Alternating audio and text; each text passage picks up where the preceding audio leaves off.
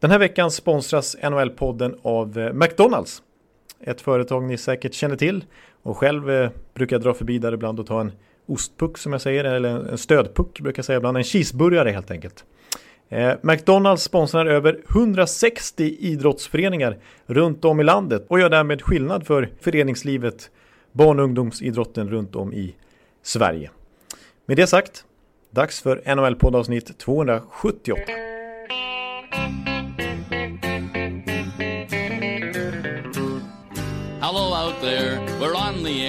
It's hockey night tonight. Tension grows, the whistle blows, and the puck goes down the ice. The goalie jumps and the players bump, and the fans all go insane.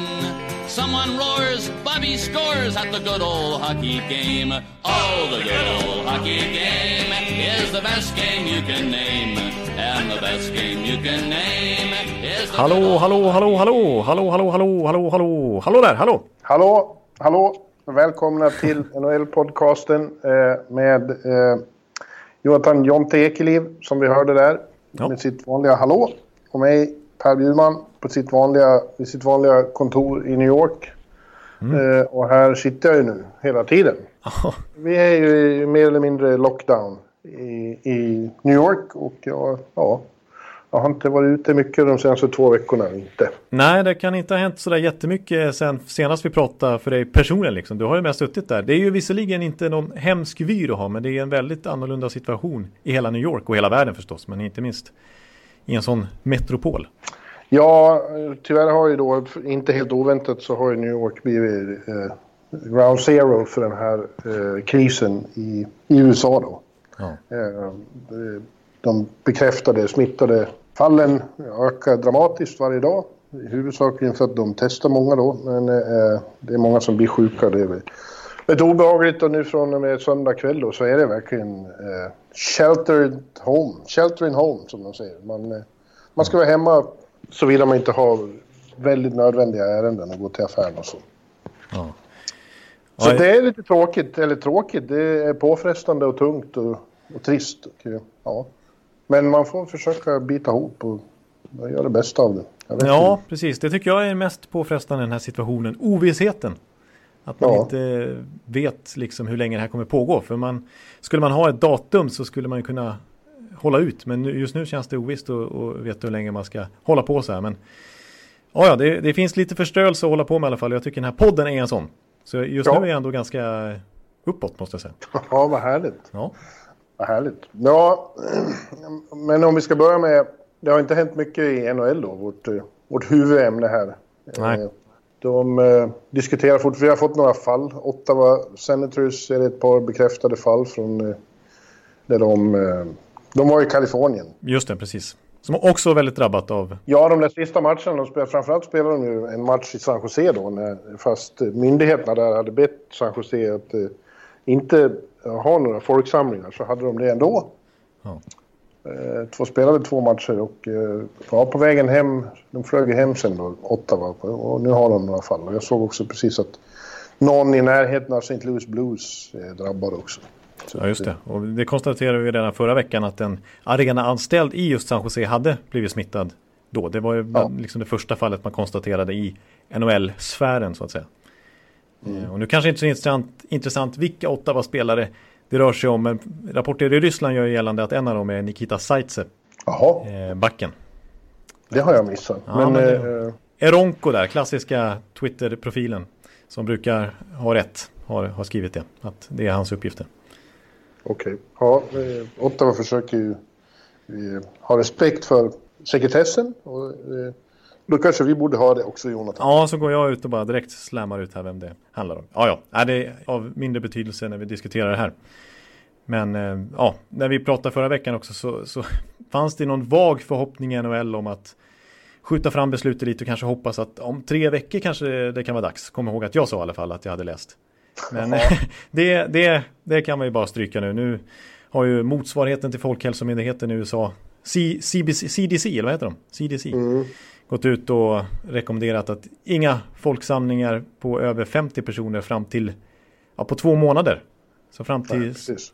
halva slutet av maj ungefär. Så att eh, innan dess är det inte absolut är inte ens aktuellt med någon slags NHL-spel. Nej. Nej, vad såg jag nu? Tyskland har kommit med eh, man, inga folksamlingar på fler än två. Oj! Det blir väldigt svårt att spela hockey då. Ja, då blir det väldigt svårt. Ja, alltså, ja jag tror de här NHLs drömmar om att, att spela i sommar, ja, ja. Tillåt mig tvivla. Dels så känns det som eh, att det är oklart med, med, med, med smittan och så här, men världsekonomin håller på att braka ihop. Liksom. Det, kan inte, det kanske inte finns någon ekonomi alls för att spela hockey. Nej. Nej, det är sant. Det är med tanke på vad som kan ha hänt då på två, tre månader innan det är aktuellt liksom, att sätta igång slutspelet. Ja, folk kommer inte ha råd att gå på hockey längre. Nej. Det är ju bara en sån sak. Ja, ja. Nej, precis. Och det, det verkar, när man läser, det kommer mycket spekulationer om hur de ska göra och sådär. Men det är, de är ute, både Batman och Daily säger att ingenting konkret just nu. Det finns ju ingen anledning riktigt med tanke på hur ovisst allting är. Så kan Nej. de inte slå fast någonting. Jag, det, jag tror Daily sa att det finns endless med lösningar som de diskuterar. Men mm. ingenting som, är, alltså, som känns liksom greppbart i det här läget. Det är ju till exempel, alltså det de säger i alla fall, det är så här. Att de vill spela en 82 matchers säsong nästa år. Det är jätteviktigt för att få, återfå balansen. Om möjligt i NHL liksom. Eh, mm. Så de vill inte att en liksom, slutspel, kommande slutspel ska gå ut över nästa säsong. Sen säger de också att ska vi köra ett slutspel så ska det vara värdigt. Det ska liksom hedra NHLs hundraåriga tradition. Det får inte vara någon sån här March Madness att de spelar one game knockout. Liksom. Eller bara bäst av tre och sånt där. Utan det ska vara, det ska vara en värdig Stanley Cup-mästare. Ja. ja, det är mycket man vill. Eh, jag vill gifta mig med Emily Harris. Let's see who gets lucky first, som de säger. Ja, du, du är krass. Ja, vadå? Det, det är klart att man vill en massa saker, men nu får man ju anpassa sig efter den här eh, helt nya verkligheten vi befinner oss i, som känns som att vara inne i en skräckfilm. Ja, ja precis. Det är väldigt konstigt alltså. Det är ju liknande här i Stockholm måste jag säga, när man går ut på gatorna mitt i stan liksom. Det är helt öde i princip. Ja, ja men jag tänker, på, jag tänker på liksom, de måste förhålla sig till att de vill dela ut Stanley Cup-böckerna, att de vill ha 82 eh, omgångar. Sure, det förstår jag. Men vi, vi, får, vi får lov att se vad som händer och sen, ja som sagt, anpassa oss efter det. Ja, mm. ja precis. Och just nu eh, verkar det vara ändå det de förhåller sig till i NHL-kontoret. Det är kanske mest vi utanför som spekulerar men Bettman och Daley verkar mest bara liksom följa myndigheternas råd och inte tänka så långt framåt trots allt. Eller ja, till viss del gör de det. Imorgon till exempel på måndag ska de ha ett 15.00 eh, lokal tid, så, eller östtid, din tid, där, så ska det vara ett möte med alla governors, alla owners. Mm. Eh, och då ska de ja, prata ekonomiskt. Inget fysiskt möte antar jag. Nej, verkligen inte. Nej, precis. Det blir nog Skype eller vad de använder för, för system. Zoom. Men, Zoom kanske, ja. Ja, precis. Zoom har vi börjat använda, har blivit väldigt stort här. Vi, är, man har, har kontakt med folk på Zoom. Ja, du pratade ju här om veckan att du hade, du och kompisarna satt via Zoom och hade någon slags eh, fredagkväll eller vad ni hade. Ja, lördagkväll. Lördagkväll var det kanske. Tog något glas och hälsade på varandra. Ja, det är trevligt. Ja, det är, det är ju någon slags eh, social samvaro på något vis. Ja. Ja, ja nej, men eh, jag tänker på sådana här petitesser i sammanhanget som känns lite dumt att ta upp här nu när, när, när liksom så mycket andra frågor är mycket större. Men bara, det är så mycket som påverkas i NHL här nu. Som, och jag läser ju så mycket av, av de här små grejerna för jag är så intresserad av NHL fortfarande vet du. Mm. ja men så här, liksom, hur blir det med det här är verkligen en petitess. Jag hör mig själv hur det låter. Men till exempel conditional picks här när vi, som vi pratar så mycket om, mycket om under trade deadline så mycket val som är baserat på om vissa lag går till slutspel eller inte och sådana grejer. Det, det funkar ju inte nu. Och, eh, du vet, James Neal, gör, gör, han två mål till i grundserien då skulle Calgary behöva skicka ett eh, tredje runda val till Edmonton. Fel. Här menar jag förstås att Calgary skulle få ett tredje val av Edmonton. Fy. Nej, han står på 19 mål just nu. Han får inte fullfölja säsongen. Projectionmässigt skulle han ju nå den eh, summan, men det gör han inte nu. Så det där tredje valet hänger i luften och ingen vet hur man ska göra med det. Ja, det är ju små grejer, men du vet, det är så mycket. Ja, det, det kan man kalla små grejer i sammanhanget. Ja, verkligen. Det kan man verkligen. Och sen var jag såg jag någon som konstaterade att, eh, jag läste på Sportsnet att eh, återigen, bra förhandlat Niklas Bäckström, bra timing på ditt kontrakt. Eh, liksom till exempel Chris Kreider och sådär som skulle ha blivit free agents i somrar. Eh, att de skrev kontrakt innan, det kan de naturligtvis inte veta. Men det var ju, det var ju visade sig vara tur, timing liksom att skriva så bra kontrakt. För att nu känns det ju väldigt ovisst för Tory Krug, för Tyson Barry, Alex Petrangelo, Taylor Hall och sådana här killar som ska bli agents i sommar när lönetaket är helt uppe i det, i det blå. Det kan, det kan sänkas och så här. Deras marknadsvärde är ju väldigt svårt att avgöra i det här läget för klubbarna. Eh, Ja. Så eh, Niklas Bäckström var ju perfekt. Han hade inte fått 9,2 miljoner vad det blev på ett femårskontrakt. Om han inte hade skrivit igen. Eh, ja, det, är- också petitesser men det är, det, är, mycket som påverkas i hela NHL-kretsen. Liksom. Ja. Det är så mycket dominos. Eh, men det är som sagt, det är som du säger, det, det är lite svårt att, att gå igång på den typen av petitesser nu. Ja, verkligen. Det, får jag säga. Men visst, det tål att funderas på när det blir dags. Men som jag, som jag sa flera gånger förra veckan också, det är ju det är så mycket som man kommer att få göra specialregler kring och, och, och hjälpas åt att fixa det här. Ja, precis. Det är, nu liksom ska man följa normal standard kring hur det funkar med till exempel hur lönetaket sätts. Då kommer det gå ner. Men så kan man ju inte tänka nu. Nu är det ju en exceptionellt unik situation. Så att då Ja, måste man verkligen. ju liksom ha mötas på mitten och, och, och kompromissa. Då kan man inte bara gå efter några byråkratiska stadgar. Liksom. Nej. Eh, Så det där kommer ju lösa sig i sinom tid. Ja. Men eh, vi försöker eh, greja och stå i här ändå, eller hur? Ja, men det gör vi. Det gör vi. Du vet att eh, sista natten här, härom natten när jag satt och funderade lite inför podden här så, så eh, ja, då, eh, vi har ju bett om lite tips på ämnen vi ska prata om och sådär. Nu när det inte finns så mycket att diskutera egentligen nyhetsmässigt. Mm. Eh, och ett som jag fastnade för var ett från Johan Kolm som hade ett förslag att vi skulle hitta på trades, alltså blockbusters. Som, Ja. som känns, alltså, då är klart de är orealistiska till viss del. Men eh, ändå att det finns någon uns av realism i det. Alltså, skulle kunna gå till, det skulle kunna hända kanske. Eh, och jag har tänkt lite på det här och jag har kommit på tre riktiga blockbusters måste jag säga. Varav två är faktiskt three-way deals, så det är inte ofta vi ser det, men det händer ju ibland. Och eh, det, är- det är stora namn jag har bakat in i de här traderna. Så att, eh, ja. Det är humor att du sitter och tänker på sånt nu. Ja, den, de här, är jag, ja precis. Jag kan meddela att jag kom fram till de här ungefär. Jag började någonstans efter midnatt igår och så satt jag uppe till klockan fyra. Jesus. ja, ja, precis. Och jag, jag har vridit och vänt på det och jag är inte säker på om jag är rätt ute. Det här är ju så stora deals så att eh, ni får skratta åt mig om, jag, om ni tycker att jag är ute och cyklar och har missat någon detalj. Men jag har försökt ändå få lite att det skulle kanske, kanske, kanske kunna hända. Ja, Mm. Så jag kör väl igång då. ja gör så. Ja, men jag, jag kör väl då. Då kan jag säga att den första. Den handlar om att eh, Austin Matthews ska hem till öknen. Eh, jag ska försöka få han eh, till Arizona Coyotes. Jaha, Eh, mm.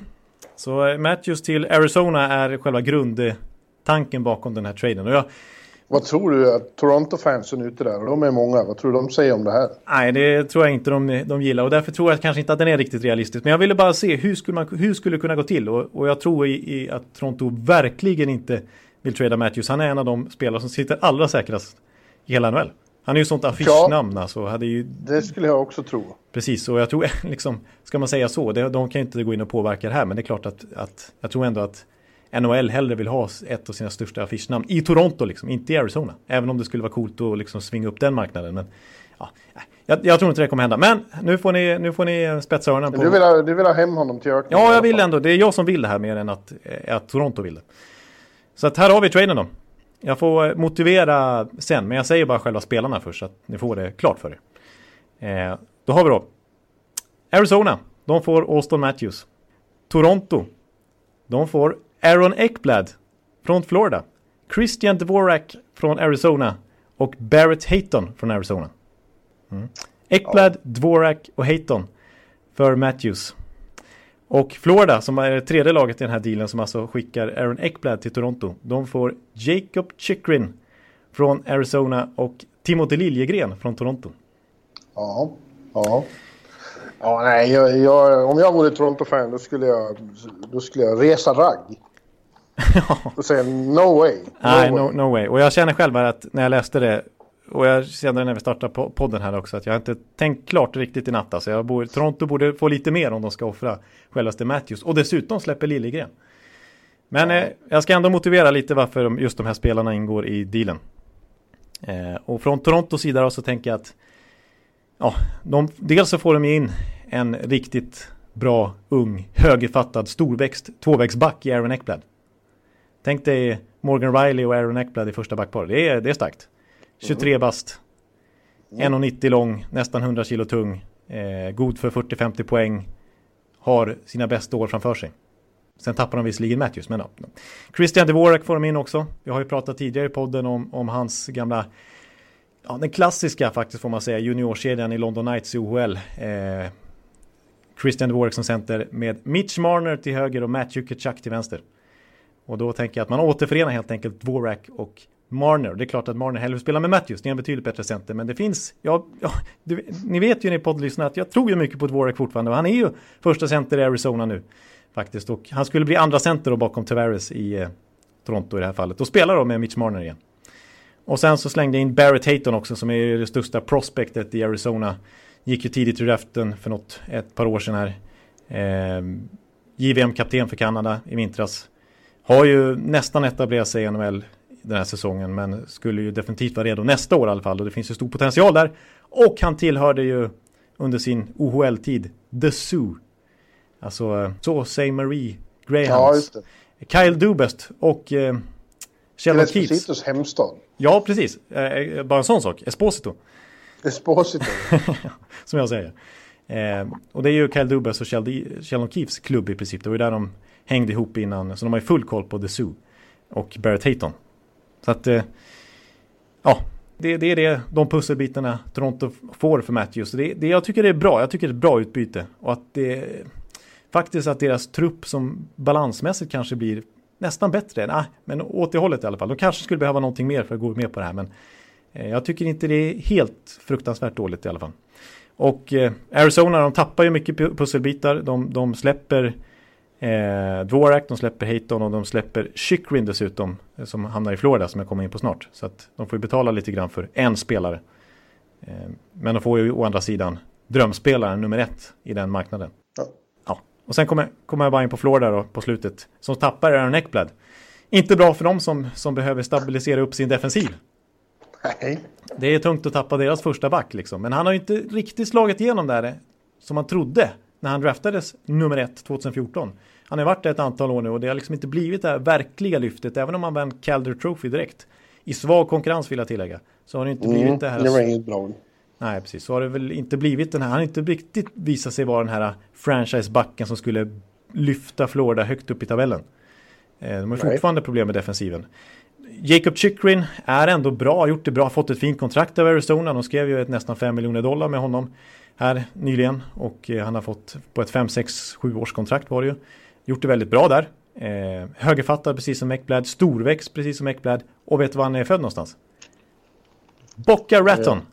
Eller back, ja. Boca Raton, vad är det man säger nu igen? Jag, ja, jag Boca Raton. Boca Raton. Boca Raton. Du, du, hörde att jag sa Boca Raton först igen. Mm. Jag har sagt det varje år i den här podden. eh. Ja, ja, men jag, jag, jag, den här, hela den här dealen skjuter jag i sank. Det, det, du behöver inte ens motivera det tycker du, utan det är bara det.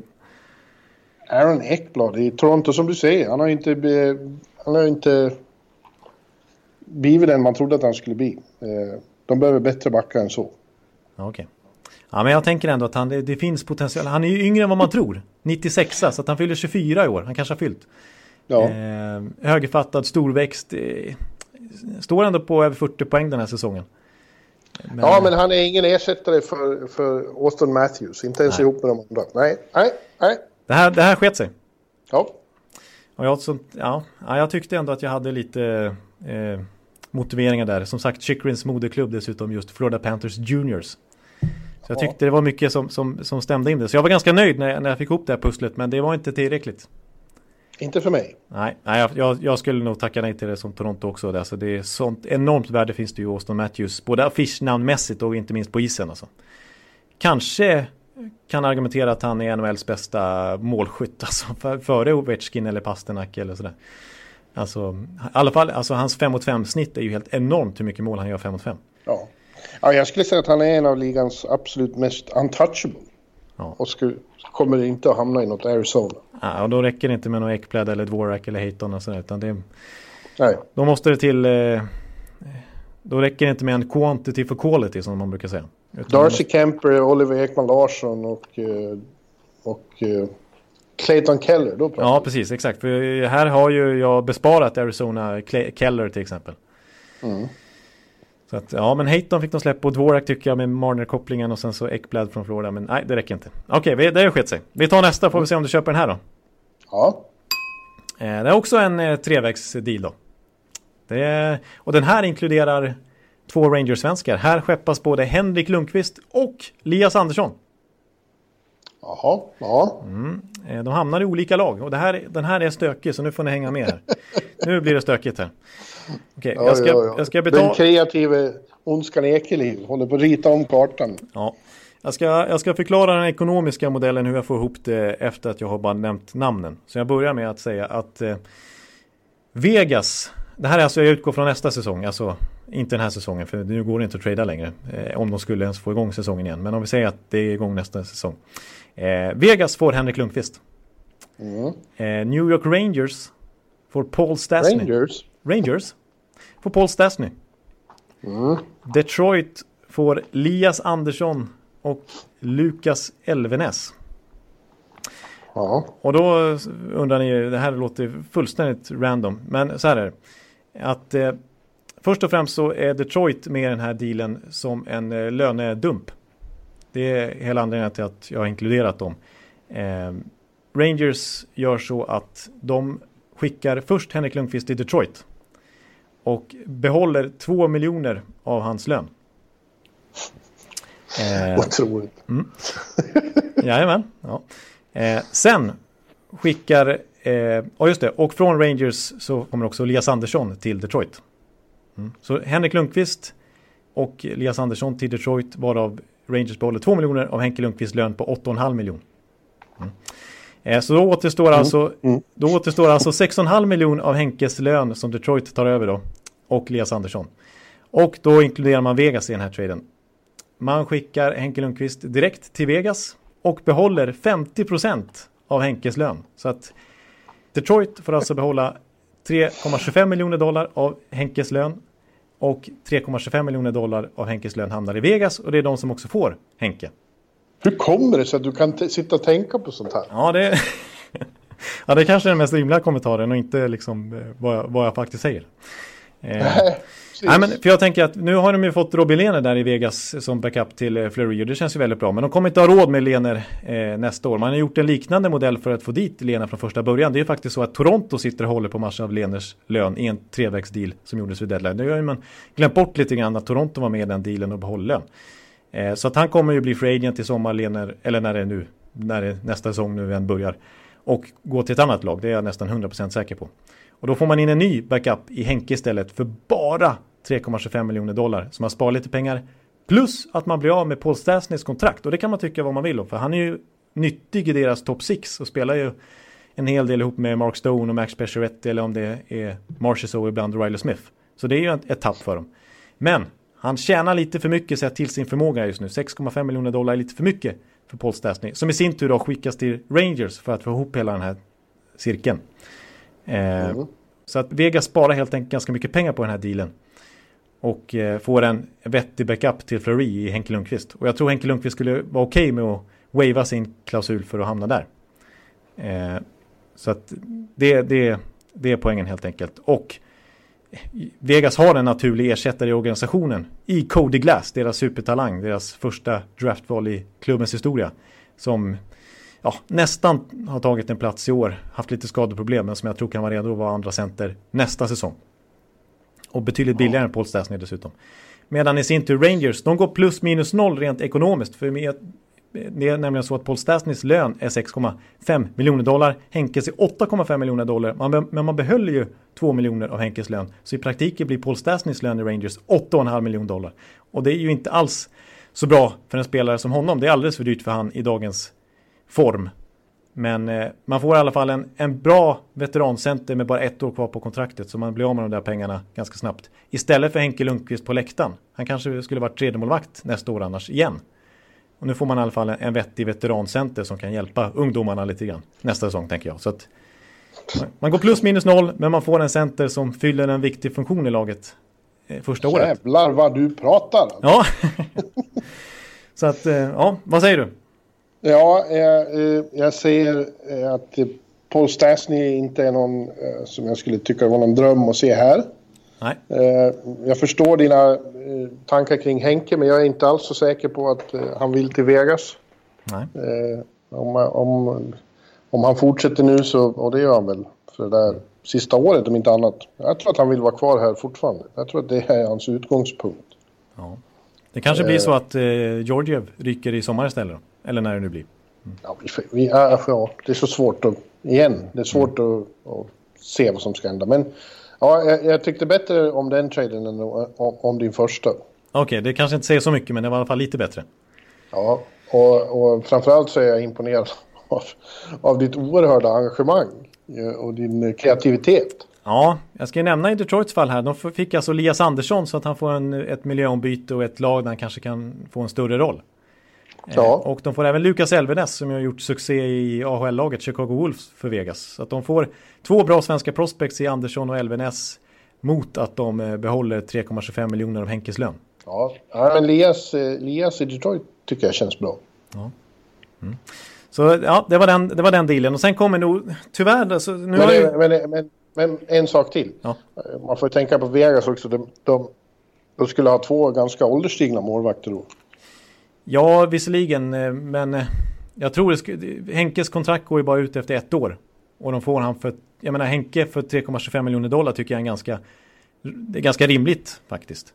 Jag tror, skulle han vara free agent i sommar skulle hans ja. nya klubb betala ja. ungefär den summan för honom. Så att, eh, yes. ja, det, var, det var så jag tänkte i alla fall. Men jag förstår din invändning. Eh, den sista dealen då är väl kanske den jag är mest eh, missnöjd med och det låter ju inte lovande. Nej. Eh, det borde varit tvärtom med tanke på att du ändå har byggt upp det lite nu och tycker att min andra deal var bättre än den första. Men nu kommer den här sista här som jag inte riktigt tänkt klart. Eh, men jag utgick från att jag inte är helt nöjd med, med, med Jamie Benn situationen i, i, Dallas, alltså på sikt. Eh, sitter och tjänar 9,5 miljoner dollar och börjar ju nästan, han har ju verkligen stannat av och gått bakåt. Han vann ju NHLs poängliga för fem år sedan liksom. Mm och, och varit bra fram till för två, tre år sedan. Men nu har det gått stadigt ned, nedför. Han är bara 30 år vill jag säga. Han är inte lastgammal än. Men han har ju fem år kvar på kontraktet efter den här rumphuggna säsongen. Och det tycker jag inte ser bra ut för, för Dallas. Han är ju kapten och lite kulturbärare där. Får ju alltid cred för hur träningsvillan är. Hur han stöttar och lyfter sina lagkamrater och är ett föregångsexempel i gymmet och sådär. Men, men eh, ah, det han gör för lite poäng numera. För lite mål och poäng. Mm. Så att han blir tradad eh, av mig. Faktiskt. Han har ju full no move-klausul också. Så där kan han ju stoppa hur enkelt som helst. Men han blir tradad då. Till sin hemstad. Typiskt mig. Det är en låsning jag har att man ska tradas hem till sina till sina ja. hemorter. Sådär. Så att, eh, ja, då blir det alltså Vancouver. Han är från Victoria Island där. Så att eh, han kommer från ön men han får flytta till met metropolen på fastlandet istället. Eh, Vancouver. Som ju, det är det som är problemet här att de har ju inte riktigt råd med att ta in Jamie Benn på 9,5 miljoner dollar heller va. Eh, de kommer få riktiga cap-problem här om några år när Elias Pettersson ska ha nytt kontrakt, när Quinn Hughes ska ha nytt kontrakt och sådär. Så att därför är inte Jamie Benn en, en, riktigt bra fit i Vancouver. Men de blir i alla fall av med Louis Erikssons kontrakt i den här dealen. Aha. Och Louis som ju faktiskt är i Dallas nu, han borde ju hans fasta punkt i, i Nordamerika och kanske det är ju där, det är mm. där han vill hänga när han är ledig. Så han är ju där nu i, i dessa coronatider också. Ja, det är där han handlar konst har jag sett också. Jaså? det är därför han blir konsthandlare i Ericsson. Just det, precis. Så att eh, det är helt enkelt så att Lou Eriksson får, får flytta hem, vill jag säga då, till Dallas och spela där. Eh, men ja, det är ju fortfarande liksom Dallas vill ju vinna nu. De har ju ett ålderstiget lag med, med spelare som verkligen vill vinna. Pavelski som de tog in. Ben Bishop är ju över 30. De har eh, Radulov över 30. Seggen börjar närma sig 30. Ja, så att eh, de, de vill ju fortfarande vara slagkraftiga. Men då blir jag, jag påstår ändå att det är bra för dem på sikt att bli av med Jamie Bens lön. De får Louis Eriksson och som kompensation för att de tar Louis. Eh, så får de en bra prospect. Jag tänker antingen Nils Höglander från Vancouver eh, eller Vasili Podkolzin, det är kanske bästa prospect som de tog i första rundan. Hemma i Vancouver där draften hölls förra sommaren. Ja, en riktigt bra mm. prospect får de i alla fall utbyte av Vancouver mot att de tar Lou Eriksson och släpper Jamie Benn. Eh, så får vi se hur det här ekonomiskt går ihop. För det är ju lite fiasko för, för Vancouver att sitta på Bens kontrakt i, i fem år till. Men de blir i alla fall av med Lou Erikssons kontrakt eh, de kommande tre åren. Ja. Det var min sista deal och den är jag inte helt nöjd med. Men jag tyckte det, finns, det fanns någonting där. Båda spelarna kanske skulle tycka om det miljöombytet. Framförallt Louis, men även Jamie kanske. Ja, ja den, den tyckte jag kändes mer som en axelryckning. Jaha, det var ingen blockbuster. Va? Det var ja, ingen- nej. Ja, det är en blockbuster, men det är ju inte... eh, Den upprör mig inte lika mycket som Austin, Austin Matthews. Ja, exakt. Ja, jag, jag hade också, det var också en låsning att jag ville på alla, med alla medel få han till Arizona. Ja. Och, så, och, så, och, så, och så stirrade jag mig blind på det här med Dvorak och Marner-kopplingen och, och fick in Florida och fick Chychrun till sitt gamla Florida och sådär. Ja, ja. ja. Det, var, det, var, det, det blev inte bättre än så. Så det var det jag satt och tänkte på från midnatt till fyra i natt, vet du. Men vad säger du om då om, om eh, Jeff Skinner från Buffalo till eh, Tampa mot Steven Stamkos? Och, något första val. Ja, då, Den- då stänger jag podden i raseri och... och Nej, Den föreslår jag. nej, nej nu, blir, nu blir jag upprörd. Ondskan.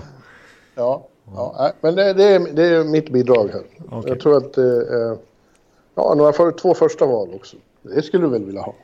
Ja, men jag vet inte om jag... Det, det har stor potential att bli ligans sämsta kontrakt över tid, Jeff Skinner. Att de signar upp han för 9 miljoner dollar och nu har han på gränsen varit helt i scratch på slutet där. Ja, ja det är inte så lyckat. Det är verkligen Så honom vill du inte alls se i Tampa. Han vill jag inte se i Tampa. Nej. Och framförallt vill jag inte släppa Steven Stamkos. Nej, jag förstår det också. Men det var en liten provokation. va? Ja, jag, jag kände att det var, det var något sånt. Ja, ja. Nej, men... Victor, Eh, Victor Hedman rakt av mot eh, Oliver då. Plus ett första val. nej, ja, Hedman är ju... Det, det, det, det är ju mina favoriter, vet. Det, här går... Det, ja, Kulturbärare också. Ja, du vet det var att Victor Hedman var ju, det påstås att det var typ en eh, Victor Hedman trade på plats för, ja, nu är det ju tio år sedan. Eh, det var någonstans där i början av 10-talet med, eh, det var nog innan LA Kings vann sin första Stanley Cup. 2011, 2012. Så det var, 12, 12. Ja, precis. Så det var väl 2010-2011 den här affären skulle ägt rum. Eh, det är inte helt bekräftat, men nästan bekräftat att eh, det skulle vara Victor Hedman och Ryan Malone från Tampa till LA Kings mot Drew Dowdy. Wow. Det, det har det läckt ut. Jaha. Tur, Ryan ja. Malone som vår vän Check satte dit oss med i, i frågesport häromdagen. Precis, vi har inte haft så mycket att göra på redaktionen alla kvällar så att eh, Check fick för sig att göra ett quiz till dig och mig med NHL-frågor och, och här, lite På spåret-variant. Ja. Eh, 10, 8, 6, 5, ja, 4 eller vad det är. Eh, och eh, vi skulle sätta personen och det var Ryan Malone och vi tog det först på 4 poäng. ja, vad var den? Vad var det vi fick då? Eh, Ja. vi, vi, vi fick någonting, eh, vad var det vi fick egentligen? Att han hade spelat både Rangers och Tampa. Ja, just det. Att, eh, Det finns i och för sig många. Ja, visserligen. Ryan Callahan, Ryan McDonough, Jan Girardi, hur många som helst. Eh, Marty St. Louis. Men vi fick Mhm. också, vi fick att han hade tröj nummer 12 i princip hela karriären och vi fick att eh, att om man skulle, han har en artist som namne som skulle varit brevbärare om han huserade Ja. i Sverige, så var det. Post Malone. Just det. Det var kul. Så att då When you're ready to pop the question, the last thing you want to do is second guess the ring. At Bluenile.com, you can design a one of a kind ring with the ease and convenience of shopping online. Choose your diamond and setting. When you find the one, you'll get it delivered right to your door. Go to Bluenile.com and use promo code LISTEN to get $50 off your purchase of $500 or more. That's code LISTEN at Bluenile.com for $50 off your purchase. Bluenile.com code LISTEN. Tog vi det till slut. Nej men, eh, ska vi ta fin, Finlandslaget då? Ja, vi har ju... Eh, eh, vi började ju förra veckan då med förra helgen. Det har blivit en helgverksamhet det här. Ja, precis. Det har råkat förskjutits till helgverksamhet. Mm. Ja. Eh, och då gjorde vi ju då... eh, Ja, vad gjorde vi? Ryssland. Ryssland gjorde vi förra veckan. Mm. Ja. Eh, bästa, deras All-Star NHL-lag. Och eh, eh, nu har vi kommit till Finland. Precis, nu kör vi Finland den här veckan och, och eh, egentligen kanske vi skulle haft med Jarkko Päivänievi, alltså eh, Sportbladets stora Finlands konnässör. Han är ju finländare själv naturligtvis, men han älskar ju finsk hockey mer än något annat. Ja, Eh. så vi har konsulterat honom eh, istället. För han befinner sig själv, fysiskt befinner han sig i Thailand. sitt andra hemland. Eller sitt tredje hemland, skulle vi kanske säga då. Ja, Sverige, Finland och Thailand. Mm. Ja, eh, och där sitter karantän där, vilket låter rätt så okej. Ja, precis. Alltså, vi hade nästan kunnat haft med honom- i podden, men det skulle alltså varit tidszon Thailand, Örby, New York. Den här var svår att få ihop tror jag. Ja, lite. Men vi har ändå konsulterat honom och fått ett lag som vi förhåller oss till. Precis, han, han har ju verkligen koll på den finska hockeyhistorien. Så att eh, han har eh, tagit ut ett lag och eh, vi har inte gjort så mycket ändringar direkt. Utan vi utgår från det laget och så kanske vi säger vad vi tycker då. Eh, Ja. Om vi vill ändra någonting. Så att vi börjar väl eh, längst bak som vanligt. Det är alltså all time NHL All-Star finska laget. Och man utgår bara för, från prestationer i NHL. Så vi räknar inte med landslag. Eller vad de har Nej. gjort hemma i Europa. Utan det är NHL. Ja. Eh, Så målvakterna då? Har Jarko plockat ut Tuka Rask som första keeper. Ja, Och alltså här finns det ju mängder att, välja på finska målvakts eh, Som backup har han satt Mika Kiprosov. Ja jag skulle möjligen eh, byta plats på dem. Eh, Men det är mer så här eh, att det finns ett, eh, en hel karriär... En hel karriär-bias har jag här. Okej. ja. Eh, och att Kipper var så... Ja, han var så otroligt bra när han var på höjden av sin förmåga. Han hade ju en 5-6 år där han var fruktansvärt bra faktiskt. Han har ju vunnit Vesina Trophy också. Ja. Ehm, Men eh, Tuka istället då känns ju mer liksom stabil på hög nivå hela tiden nu för tiden. precis. Tuka med två... två det, är, det är Tuka med två U, två K och inga returer som de sa. oh, här. den, är, den är din favorit den där. Den är ju bra. Ja. Så den måste man Ja. använda. Ja. Ehm, ja, precis. Och han är ju jättebra den här säsongen. Jag har ju nämnt honom som kanske huvudkandidat till att vinna Vessina i år. Och han har ju dessutom vunnit en Vessina tidigare i karriären. Ehm, så att han har ju meriterna. Ja. Ju. Ehm, men jag tycker också Kipper, alltså det, det kanske är en lite nostalgiskt. Men han var ju så otrolig, han har ju så otrolig högsta nivå. När han Ja. var på topp. Och han, jag kommer ihåg liksom, man bara kollar på, ja, dels kommer jag ihåg slutspelet 2004 som ju Tampa vann. Så det ligger ju mig väldigt varmt om hjärtat. Men det var ju Calgary en super-outsider hela det slutspelet. Och mot alla odds gick hela vägen till final. De slog ut titan efter titan på vägen. Och tog det till Game 7 mot Tampa där de till slut fick stryk. Ju, vilket jag måste understryka. Men Kipper Ja. var ju grym i det slutspelet och åren därpå. Han stod ju så mycket matcher. Han hade två år i rad, 07-08 och 08-09. När han stod 76 matcher. 76 helt matcher sjukt. båda, så det är helt sjukt. Det är det. Så att eh, jag, jag tycker nästan att Kipper ska vara nummer ett. Sen kan man ju verkligen argumentera för om Pekarinne ska vara en av de här två också. Ja. Ja. Är, Och min gamla favorit, han är väl inte aktuell, men jag gillade Vesa Toskala. ja, han har svårt att peta de här tre. Men det är en Ja. favorit, det kan jag förstå. Ja, bara namnet är ju så härligt. ja, Vesa Toskala. Ja. Mm. Och faktiskt, grejen är så här, kommer jag att tänka på. Alltså det, det är de här tre vi nämnde först har gemensamt. Alltså Rinne, som har flest matcher, flest segrar. De finska NHL-målvakterna har också en Western Trophy på meritlistan. Alla tre har ju faktiskt torskat, har ju aldrig vunnit Stanley Cup som starter. Däremot har de torskat finaler. Ja, just det. Tuka har gjort det två gånger om. Pekka gjorde det här mot Pittsburgh. Och Mika gjorde det mot eh, Tampa. Det är en anmärkningsvärd, remarkabel Ja, eh, notering. ja. Den som har vunnit eh, Stanley Cup som starter av de finska NHL-målvakterna. Det är Antiniemi med Chicago. 2010. Ja. Var han starter då? Han var starter. Det var ju Michael Layton mot Antiniemi. Ja. Antiniemi, ja just det, just det, Antiniemi, ja. Just det. Ja. Nej, sen, finns, sen finns det ju fler vi kan nämna. Alltså, de- fick ju fram så otroligt mycket målvakter eh, där under första delen av 2000-talet eh, och liksom framåt 10-talet. här. Kari Lehtonen. Mm. Antiniemi var ju en av dem. Vesa Toskelund som säger. Antero Nittymäki kommer du väl ihåg? Ja, Eh, Niklas Bäckström, den finske Niklas Bäckström. Just det. Kari Rämö som är i Djurgården nu. Det, det vill jag bara nämna en snabb anekdot med Kari Rämö. För att jag, min första NHL-match live 2007.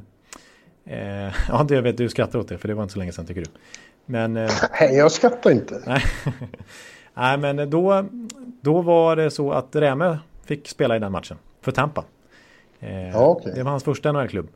Och, men det var inte på det viset jag hade velat att han skulle spela. För han satt i båset när matchen började. Den som startade mot Montreal hemma i Tampa, det var Johan Honken Holmqvist.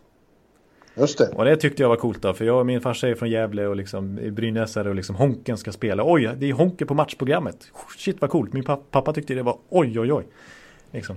Och jag tyckte det var nice, det är Tampa liksom och Honken står i mål, det blir perfekt. Och sen, eh, ja, jag tror det stod 4 eller 5-0 till Montreal borta mot Tampa. Ja, då blir Honken utbytt. Och framför mig på läktaren så ställer sig något gäng eh, 22-åriga Bud Light-killar och bara Chicken sweet, fucking chicken, chicken Oh! sweet. Ja. Ja, det har du berättat förut. Men det är ju upprörande. Det var, det var inte kul. Nej, det var inte kul. Och då satte de in Karre Så det, det är liksom starkaste minnet jag har av det. Min första Tampa-match. Apropå Gävle, ett väldigt sidospår här. Såg du att Brage och Gävle möttes i eh, träningsmatch utan publik i Ja, veckan? just det. Ja, ja. Brage vann med 8-2. Eh, ska vi ta backarna? Ja, jag, jag ville bara säga det. Ja, det fick du säga. Ja, nej, men eh, vi sätter väl Mika Kiprosov som eh, första keeper. Men Jarko tycker att eh, Rask är nummer ett. Ja. Ja, sen har han eh, sina tre backpar. Jag kan dra dem rakt Ja, upp och ner. det. Eh, och första backpar är Teppo Numminen och Kimmo Timonen. Ja. Andra Reijo Ruotsalainen och Jyrki Lomme. Mm. Och tredje Sami Salo och Miro Heiskanen. The Kid from Now. Ja, precis. Han kom med faktiskt i All Star-laget redan nu. Ja. Det är ju vilka, vilka klassiska namn. De är underbara att säga, säga bara. Teppo Numminen och Reijo Ruotsalainen och Jyrki Lomme. Ruotsalainen är en av mina absolut största favoriter någonsin. Alltså, nu får du motivera. Nej, bara att han, var, han spelade ju i Sverige ett tag också. I HV71 om jag inte misstar mig. Det betyder typ Eh. svensk också, Ruotsalainen. Ja, och han var så otroligt elegant och så bra på skridskorna och, och fantastiskt spelsinne. Riktigt modern back i förtid. Ja, precis. Det är det jag har förstått också. Jag var inte riktigt med på den tiden, men han var ju ingen stor kille. Nej, Han var väl en och, bara drygt 1,70 men ändå en ruggig skridskoåkare och han var ju, en, han var ju ett underbarn. Han var ju typ Rasmus Dahlin när han kom fram i, i Finland, fast mycket mindre. En, en Tory Krug kan vi säga då. Som kom Ja. fram i, Finland, en liten back, spelskicklig back. Han debuterade i finska ligan redan när han var 15 år och i hockey-VM när han var 17 år. ja precis. Hela sitt liv var han van att, spela med större killar liksom. Så han var ju, trots att han var liten så var han så otroligt van med det. Så att han kunde ju verkligen leva på sin skridskoåkning och, och lärde sig att hantera fysiskt spel. Så att ja, Rotsalainen han, han måste ju vara med.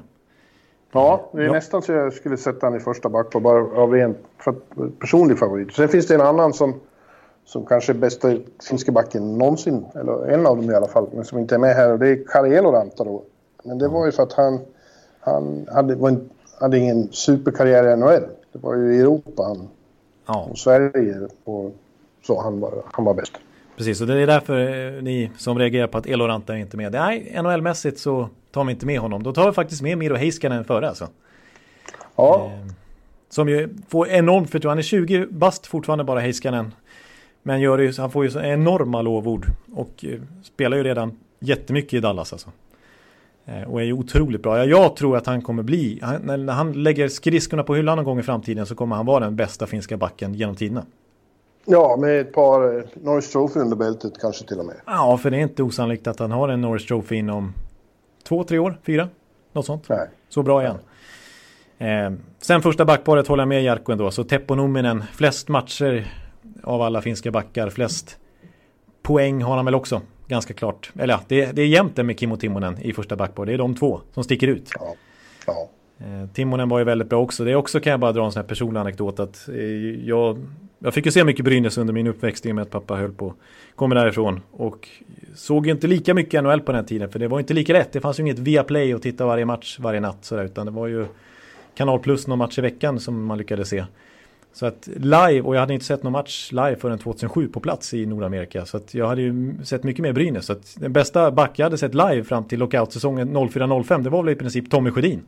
Och så kommer, Ja. och så kommer Kimmo Timonen i Brynäs liksom. Och jag, jag fick en sån här äh, enorm aha-upplevelse. Det, det är så här man kan spela hockey också, om man är back. Det var liksom en helt ny nivå för mig att se live. ja. Han spelade Ja. bara tio Ja, matcher, men men, det- men han var grym då alltså. Men Kimmo var, var ju någon slags eh, finskt svar på Lidström nästan. Ja. Eh, poor man's Niklas Lidström, sa de ibland. Ja, precis. Och jag, det kallade jag ju Sergej Zubo för i ryssavsnittet förra veckan. Men det var lite liknande, men det, var- det var nog ännu mer applicerbart på Timonen faktiskt. Ja, Han var ju ruskigt bra så, i... sån som alltid var det han skulle. Exakt, precis. Och så fick han ju faktiskt vinna en Stanley Cup till slut. Han fick ju göra en mini Ray Bork. och komma till Chicago där. Tyvärr slog de ju Tampa i finalen. Men eh, han, han, han gjorde noll poäng i det slutspelet. Han spelade två, tre minuter per match. Men han var ändå med. Och, ja. och fick vinna Stanley Cup. Fick bucklan, fick bucklan direkt av Taves på isen efteråt. Det var fint. Det var fint faktiskt. Så att han ska vara med. Och Jyrke Lumme kan vi nämna. Jag, satt, jag ändrade lite i backparen för jag har ju en låsning där att det ska vara en vänsterfattad och en högerfattad dessutom. Så jag har ju satt Timonen och, och Numinen i första backparet. Där har vi en höger och en leftare. Och sen har jag satt Vancouver-bjässarna, eller bjässarna men Vancouver-spelarna. Eh, Salo, Sami Salo och Jyrki Lumme ihop. Också leftare ja. och höger, högerfattad. Så har jag Heiskanen och Rotsalainen i det tredje backpar. Lomme var ju en, han är ju kultfigur. Det finns ju till och med en punklåt om, eh, om honom. Jaså, jag kommer inte ihåg vad punkbandet heter nu, men det, det fanns ju en... Uh, What's the deal with Jyrki Lomme och sånt hette Jag tror Nordamerikaner tyckte att det var ett väldigt udda namn. Ja, det är ju ett, det är ett, bra, det är ett fyra plus namn. Ja. Jyrki Lomme, det är det. Eh, han var ju... Han var ju Vancouver... Han är, han är ju typ en Vancouver-legendar. Han hade flest poäng i den klubben när han lämnade. Han gjorde väl en 5, 6, 7 säsonger där på 90-talet. Var ju med när de gick till final mot Rangers 94. Ja. ja. Och öste in poäng eh, ju. Eh, så att eh, han har dock blivit passerad av två svenska backar nu. Så han är trea på listan över flest poäng av backar i Vancouvers historia. Faktum är att det är Edle som har gjort flest poäng i den klubben av backar och tvåa är Mattias Ölund. Ja, ja. han är en riktigt svensk klubb, Vancouver. Ja, så är det mm. Ja, men ska vi ta, ja, vi kan ju nämna några andra namn som hade kunnat vara aktuella. Såna här Janne Niinima, Tony Lydman, alltså sådana som har spelat många matcher i alla fall. Aki Petteri är ett bra namn också. Eh, ja. En som var väldigt bra, om, som var väldigt bra i sina bästa stunder men som tyvärr, hans karriär verkligen sänktes av skador och det blev inte så mycket av den. Men jag tror han hade kunnat bli väldigt bra. Joni Pitkinen. Jag skulle just fråga, har du nämnt Joni Pitkinen? Mm, men det hade du inte. Nej. Han var ju väldigt bra. Sen finns det några ännu äldre namn från 80-talet som ni som var med då. Jag var ju inte det. Men eh, Risto Siltanen och sådär. Ja. Eh, men eh, nej, vi... Ilka Sinisal. Fast han kanske var forward. Ja, han var forward. Han är det, mm. det enda namnet på, på listan som jag faktiskt inte direkt kände igen. Nej, just det. Jarko nämnde lite bubblare också. Mm. Mm. Ja, Sinisalo och eh. Siltanen, de var väl eh, de var back respektive forward. Johnny Pitkinen vill jag bara nämna en anekdot om eh, från Vancouver-OS. Det var ju då vi satt på pressläktaren i Rogers Arena, eller ja. då om, omdöpt till Canada Hockey Place eller vad det var. Ja. Mm. Och då satt vi, eh, all media på samma ställe, inklusive tv-kommentatorerna. Ja. Och jag gick upp till Chris Härenstam eh, i en reklampaus och sa bara, tänk om eh, Johnny Pitkinen gifte sig med sångerskan Johnny Mitchell. Då skulle ju båda heta Johnny Pitkinen. och, det, och det sa han i direktsändning i SVT. Att nu Nej, är det sant? Inte att säga. Ja. Wikegård satt bara och tittade på honom. ja, men Härnestam förstod det stora i, den, i det skämtet faktiskt. Ja, enastående. Ja, det, det är okej. Okay, ja. ja, det var en oväntad anekdot måste jag säga.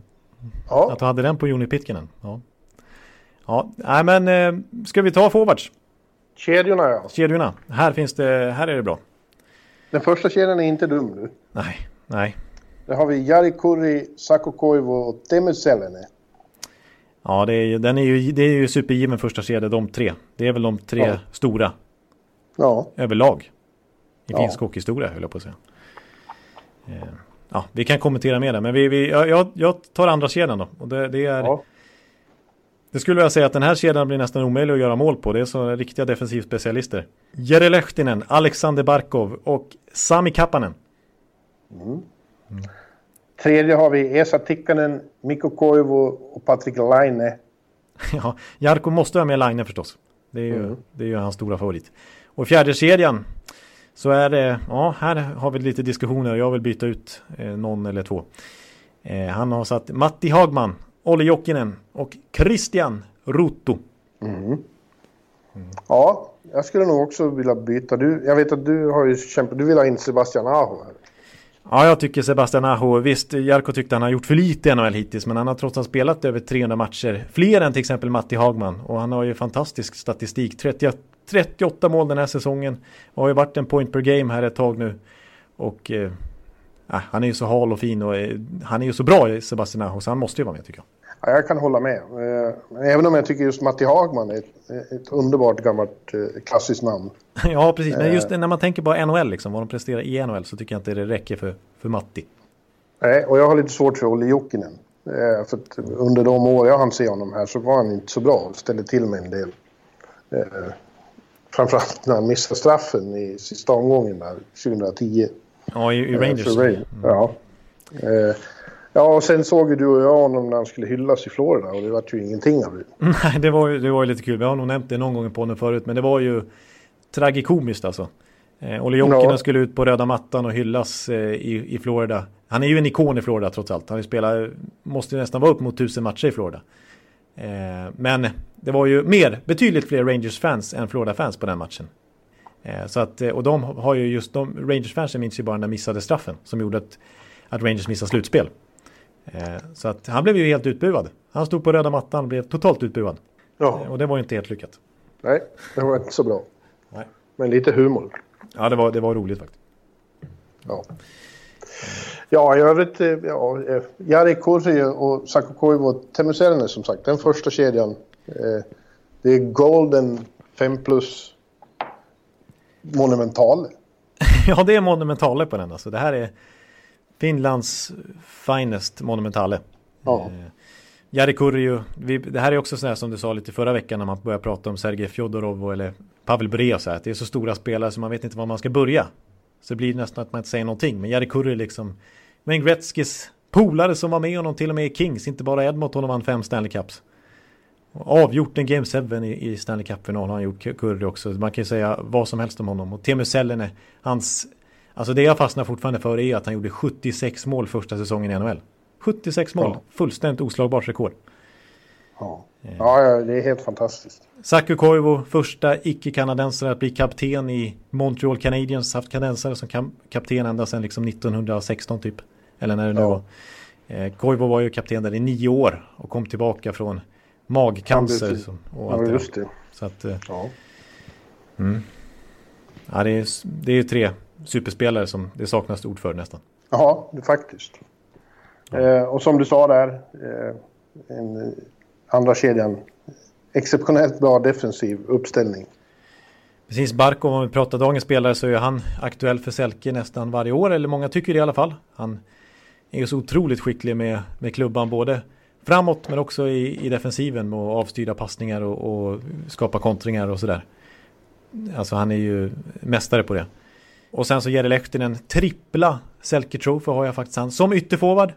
Det är en käpphäst ja. för mig att jag vill att ytterforward ska också kunna vinna Selke Trophy. Det är ju bara centra som vinner det. Men Jere Lehtinen, tre Selke. Ja, ja nej. nej. Och så, och så Sami inte Kapp... dåligt. Nej, inte dåligt. Och så Sami Kappanen som ju var eh, publikfavorit var han än spelade med sin... Han, def... han personifierade ordet Sisu. Ja. Eh, så som han kämpade och, och gav sig in, vek sig inte för någon liksom. Samma är det lite med Esa Tikkanen. Ja, är ju, han är ju ännu mer, han var ju ännu, han var ännu tuffare liksom. Sami Kappanen var bara med att han, han var ettrig liksom, men han, Tikkanen var ju nästan ful.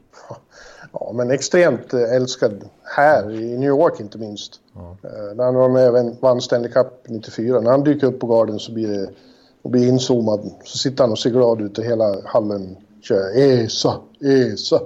Ja, precis. Så tar man upp Tar ni upp Esa Tikkanen på Elite Prospects då får ni upp en bild på när han är helt blodig liksom. Ja. Det var ju lite hans eh, stil. Fem Stanley Cups, han var ju med där under storhetstiden i Edmonton och så som du säger kommer han ju plocka hem en Stanley Cup i Rangers också. Så att eh, flest utvisningsminuter, jag tror eh, Jarkko Rutto som inte kom med här. Eh, det var Christian Rutto som kom med i det här laget men Jarkko Rutto tror jag har någon mer utvisningsminuter än Esa Tikkanen men han, ja, det var en riktig kämpe. Ja. Men är det någon mer du vill ha in istället för Aho? Eller mer än Aho? Ja, ja så man kan ju lika väl nästan argumentera för Mikko, Mikko Rantanen med tanke på hur mycket poäng han har gjort här eh, på slutet. Han har ju typ tredje bäst poängsnitt av alla finska NHL-spelare tror jag genom tiderna och Aho är 4-5. Så Rantanen skulle ju kunna lika gärna vara med också. 87 poäng på 74 matcher i fjol. Mm. Eh, men eh, ja, så att han, han är ju definitivt aktuell redan nu också. Om Miro Heiskanen kommer med, liksom, då ska väl Rantanen komma med också. Men jag väljer Aho. Yes. Och sen, jag håller med, Christian Rutto var ju väldigt bra ett, tag också. Liksom, karaktärsspelare också. Ehm, och jag vill ha med Olli Jokinen.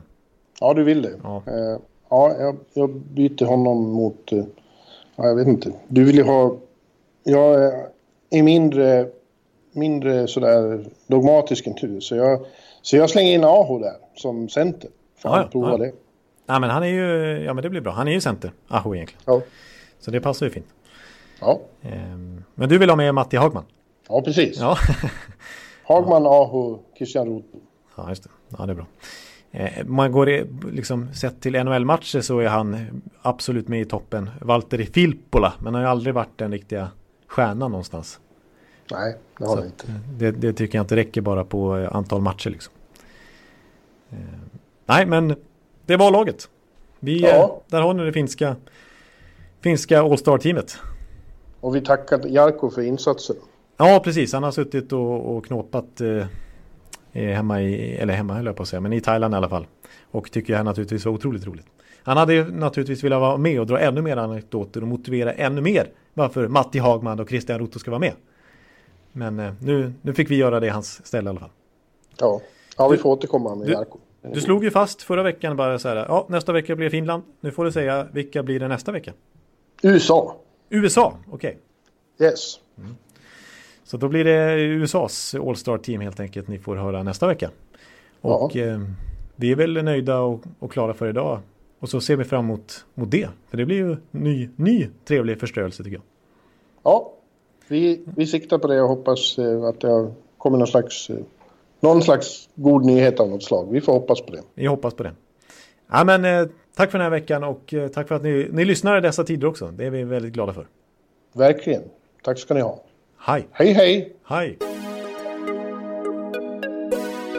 Hallå, hallå, hallå.